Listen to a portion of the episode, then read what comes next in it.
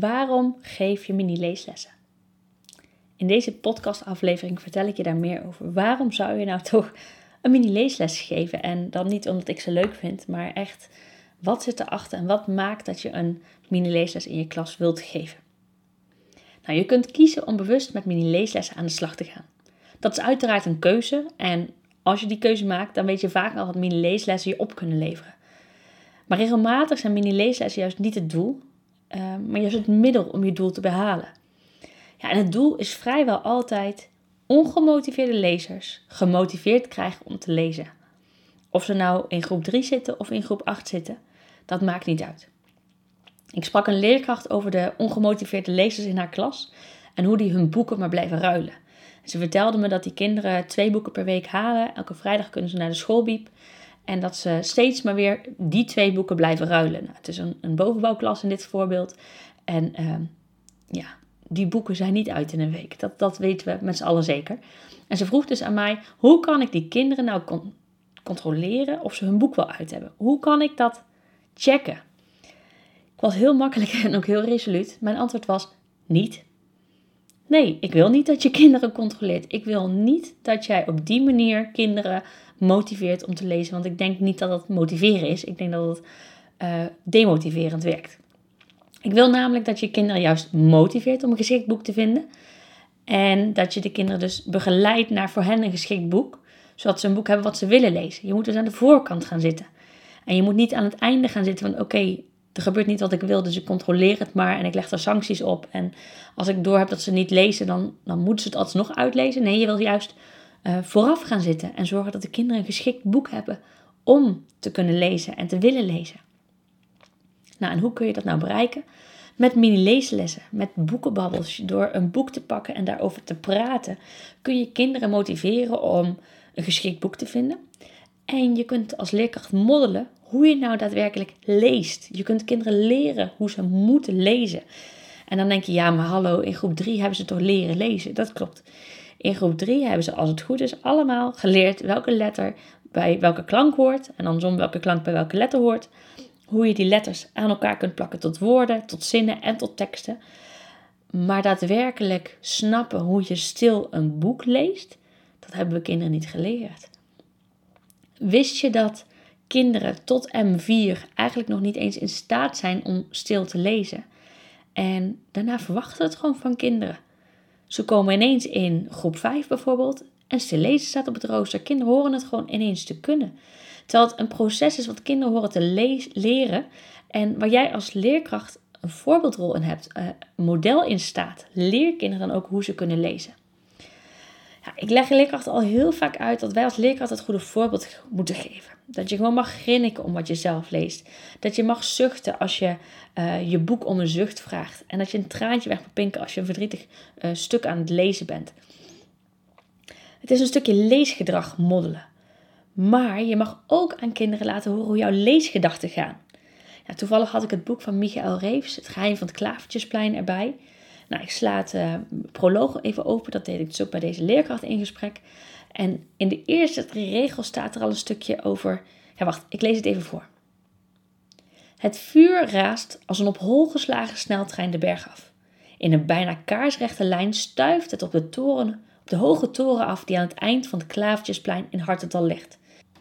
En ook wel het torenhuis wordt genoemd. Hé, hey, maar dat Klavertjesplein, ja, daar weet ik eigenlijk als lezer al wat over. Dat las ik namelijk in het proloog en nu begint het op zijn plek te vallen. Nou, dat is wel vaker met een proloog natuurlijk. Dat geeft je wat vooraf informatie, die later in het verhaal op zijn plek valt en waar je niet altijd wat van begrijpt als je het vooraf leest. Maar nu weet ik wat, de informatie over wat voor informatie ik over het Klavertjesplein kreeg. Nou, ik lees een stukje terug wat er ook alweer stond. Um, oh ja, hier. Er zijn een paar dingen over het Klavertjesplein in Hartendal die je moet weten.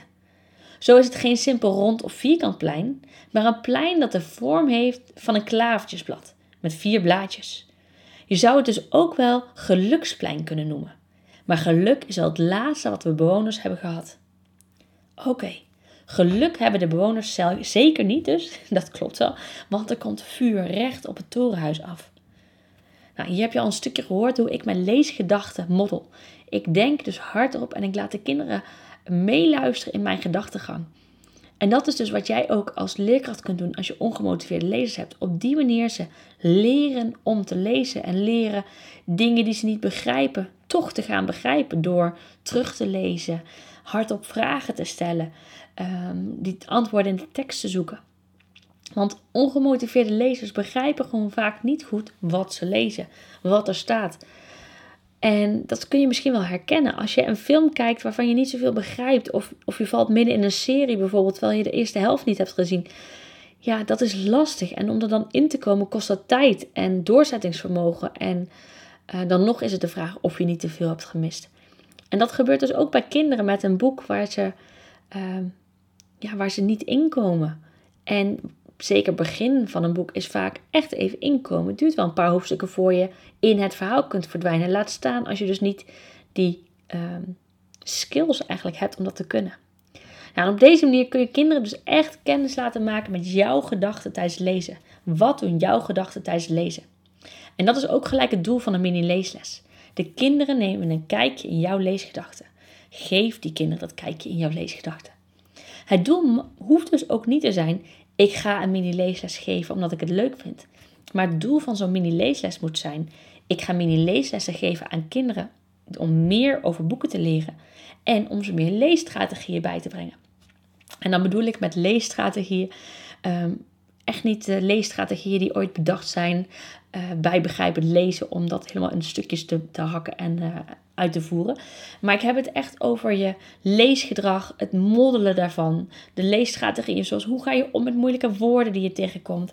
Uh, wat heb jij nodig om dit boek te begrijpen? Hoe kies je nou een goed boek? Hoe zorg je dat je in een verhaal komt? Dat zijn ook een soort van leesstrategieën die je natuurlijk jezelf eigen hebt gemaakt of zelf vroeger geleerd hebt. En dit is eigenlijk in het kort waarom je kinderen een mini-leesles mee wilt geven. Maar hoe kom je er nu achter dat kinderen ongemotiveerd zijn om te lezen? En vooral, als je het weet, hoe pak je dat dan aan? Ja, als leerkracht heb je vaak gauw genoeg door dat kinderen niet gemotiveerd zijn om te lezen. We kennen sowieso allemaal wel één of twee, of misschien wel meerdere kinderen in onze klas die elk excuus aangrijpen om maar niet te hoeven lezen. Wc, nog een keer boeken ruilen, andere kinderen afleiden. Ja, en dat zijn de opvallende gevallen die we allemaal van mijlenver herkennen. Richt je daarnaast ook op de kinderen die je alleen van dichtbij met het blote oog kunt zien. Hoe kom je er nou achter dat het kind wat braaf door zijn boek lijkt te bladeren ook echt begrijpt wat hij leest en niet gewoon gewenst gedrag aan het laten zien is, dus stilzitten en door het boek bladeren. Ehm, ja, en daar kun je ook over met kinderen in gesprek. Nou, hoe ga je zo'n gesprek over leesmotivatie aan? Ehm, bereid het voor. Bedenk welke kinderen je wilt spreken. Wat wil je bereiken met dat gesprek? Welke informatie wil je over dit kind weten? Praat dus met die kinderen over het gebrek aan motivatie en ga op zoek naar interesses om die mini-leeslessen die jij wil geven, daarop aan te laten slaan. Dus stel een kind vertelt over freerunning en hoe geweldig dat kind dat vindt, ga dan op zoek naar een boek waarin of het onderwerp freerunning langskomt. Of waarvan je denkt, oké, dit is op zo'n um, beeldende en speelse manier geschreven dat een, een lekker buitenkind wat van freerunning houdt het ook wil lezen. Dus ga zo testen met je mini-leeslessen hoe je bijvoorbeeld dat ene kind um, zou kunnen bereiken.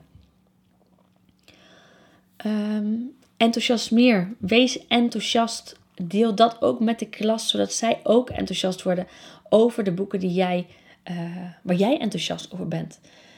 Laat de kinderen tijdens het voorlezen of tijdens een stukje mini-lezen echt op het puntje van hun stoel zitten. En stop op de spannendste stukken in het boek met voorlezen. En dat zeker als je een ongemotiveerde klas hebt, zeg ik doen. Niet doorlezen. Ook een vraag is om niet een hoofdstuk uitlezen omdat het hoofdstuk zich, zich daartoe leent. Stop wanneer je denkt, die kinderen die willen nog meer, die willen nog meer. Stop. Morgen weer verder, jongens. En begin dan een stukje terug, dat ze even weer opnieuw erin komen. Daag ze uit en motiveer ze met jouw enthousiasme en jouw voorlezen. Nou, en als je dus ehm, kinderen wilt helpen met een geschikt boek, ga dus mee met de kinderen de schoolbiep in. Ga mee luisteren. Ga kijken wat er gebeurt bij het wisselen van die boeken in de schoolbiep.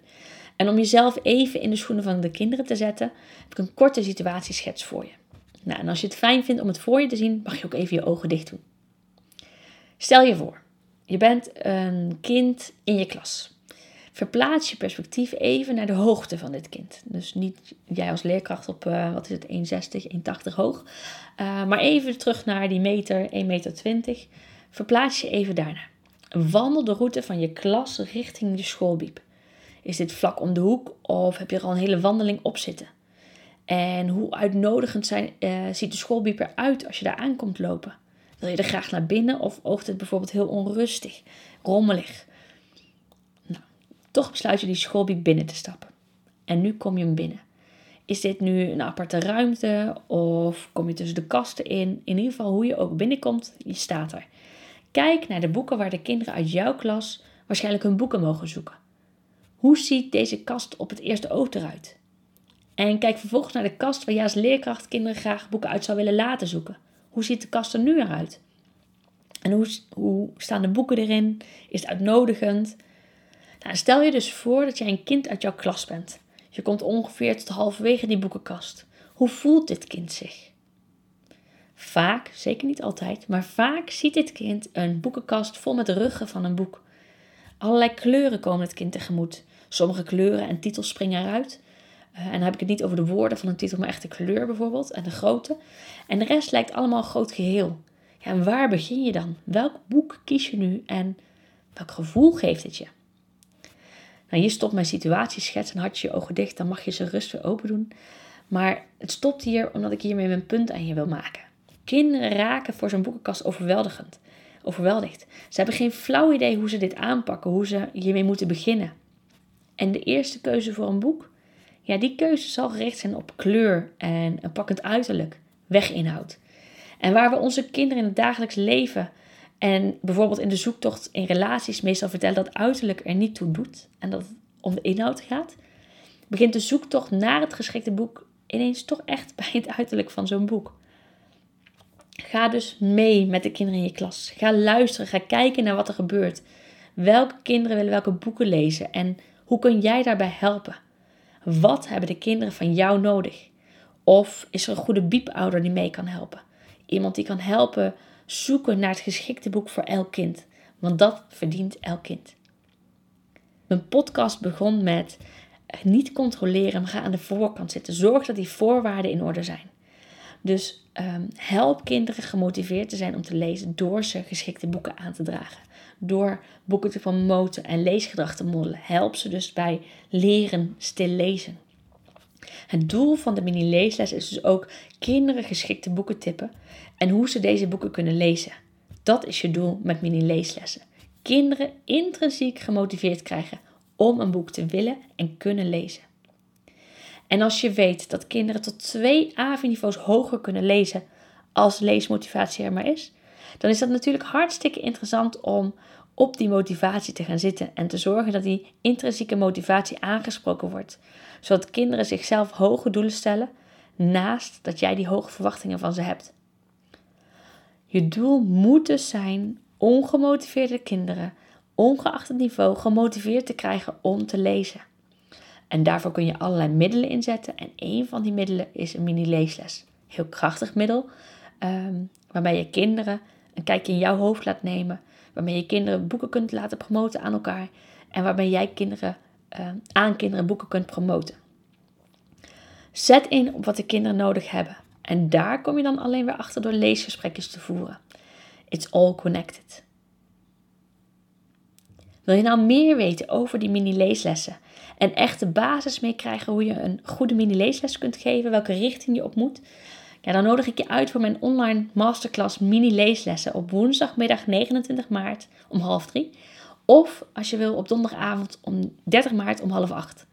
De kosten daarvoor zijn 32,50 en je krijgt uh, zo'n berg inspiratie en informatie uh, tot je waarmee jij de tools hebt om kinderen in jouw klas te kunnen motiveren om te lezen.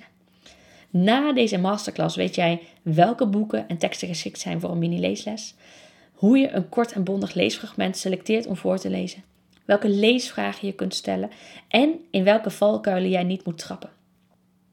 Aanmelden kan direct via de link in de show notes. Wacht niet te lang, want er zijn maar een bepaald aantal plekken beschikbaar en ja, de deadline is eh, later deze week al. Denk je nou, ik wil die mini-leeslessen van A tot Z begrijpen. Ik wil de kinderen in mijn klas ook um, aan kunnen spreken op hun behoeften en weten wat ze nodig hebben. Volg dan mijn online cursus mini-leeslessen van A tot Z. Dat kun je online en in je eigen tempo doen. Het is een online omgeving ehm, en daarnaast kun je lid worden van de besloten Facebookgroep, waar ook andere cursisten in zitten en jullie samen tips en tops met elkaar kunnen delen. En binnen het jaar waarin je toegang hebt, krijg je ook nog updates mee die ik gepland heb staan om de cursus uit te breiden. Denk aan bonuslessen en extra informatie die ik tegenkom en met de cursisten wil delen. Nou, de cursus kost op het moment van opnemen nu 287 euro. En daar kun je ook je scholingsbudget voor inzetten. Dus vraag zeker op school naar de mogelijkheden. De link hiervoor is ook in show notes te vinden. Leesles, kinderboekentip. Mijn mini-leesles kinderboekentip komt vandaag uit Het geheim van het Klavertjesplein.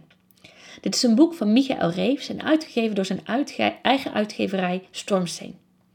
Dit boek is een van de spannendste boeken die ik in de laatste paar jaar heb gelezen. Ik weet niet of je de serie Lost kent, uh, maar zo'n idee kreeg ik erbij. Alleen dan natuurlijk wel geschikt voor kinderen. Eén scène vond ik zelf zo spannend dat ik ehm, eigenlijk toen ik s'avonds in bed die scène aan het lezen was, dacht... Ja, het was niet zo handig om dit in het donker te lezen. Maar hey, ik ben dan ook wel een scheiterd. Uh, en daarom is dit boek echt een aanrader voor kinderen die van spanning en griezelen houden. De mini-leesles hierbij gaat over beeldspraak in het boek. Zo staat er bijvoorbeeld: Ik kan alvast een tipje van de sluier oplichten. En er staat: Het vuur raast als een op hol geslagen sneltrein de berg af. Gevolgd door: In een bijna kaarsrechte lijn stuift het op de hoge toren af. Dit zijn wat voorbeelden en je kunt vast zelf ook een boek vinden vol met beeldspraak. En vraag dan aan je klas: welke beeldspraak kom je tegen in jouw boek? En hey, wat bedoelen ze er ook mee? Praat daar samen over na het lezen. Wat ontzettend leuk dat je luistert naar de podcast vol leespiratie. Misschien ben je door mijn Leespiratie podcast zelf enthousiast geworden om met leespiratie in je klas aan de slag te gaan. Tof, want daar liggen namelijk veel kansen voor leerkrachten. Juist door jouw leerlingen ook weer te leespireren. Schrijf je daarom in voor mijn Leespiratie mail. Dat kan door via de show notes op de link te klikken en je gegevens in te vullen. Dan blijf je altijd als eerste op de hoogte van de leespiratie tips die ik deel. Wil je nog meer leespiratie? Beluister de andere podcasts die ik maakte. Volg me op Instagram onder de naam kinderboekenjuf.nl of neus eens rond op mijn website www.kinderboekenjuf.nl voor praktische, kant-en-klare leespiratie waar je zo mee aan de slag kunt. Nou, heb je vragen naar aanleiding van deze podcast? Of wil je mij wat vragen? Mail me op info.kinderboekenjuf.nl Vind je deze podcast waardevol? Laat het me weten via mijn Instagram, kinderboekenjuf.nl of mail me op info.kinderboekenjuf.nl. Ik vind het heel erg leuk om van je te horen. Volg mijn podcast door via het luisterplatform naar de podcast voor leespiratie te gaan en klik vervolgens op volgen. Stel de meldingen in, zodat je als eerste op de hoogte blijft als er een nieuwe aflevering online komt. Bij Spotify kun je dit bijvoorbeeld doen door het alarmbelletje aan te klikken. En geef mijn podcast een beoordeling of like, zodat anderen ook weten dat mijn podcast de moeite waard is om te beluisteren. Deel de link gerust met collega's of andere geïnteresseerden, zodat zij ook de podcast kunnen beluisteren. Ik kijk er naar uit om een nieuwe aflevering voor je op te nemen. Tot dan! Je luisterde naar Ingrid Rijnboud-Evers, de kinderboekenjuf. Wil je nou meer weten over mij? Luister dan zeker eerst even de eerste twee podcasts die ik maakte. Daarin vertel ik je eigenlijk alles over wie ik ben, uh, wat mijn interesses zijn en wat mijn visie als kinderboekenjuf is en hoe ik leerkrachten help om de kinderen in hun klas te leespireren.